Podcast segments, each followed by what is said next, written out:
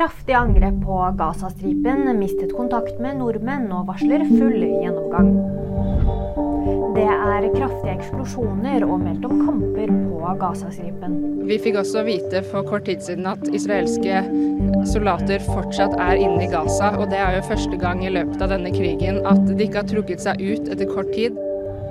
Og vi holder oss til Gaza, for nettet i Gaza er nede, og det er ikke mulig å få kontakt med folk der inne. Det inkluderer de 200 norske borgerne som befinner seg på Gazastripen. Vi er veldig bekymret, også for de norske statsborgerne inne i Gaza, fordi det er ingen steder å gjemme seg. Eller hele Gaza er utsatt for angrep. Ragnhild Mowinckel disket i verdenscupåpningen. Grunnen er at hun hadde for mye fluor på skiene sine.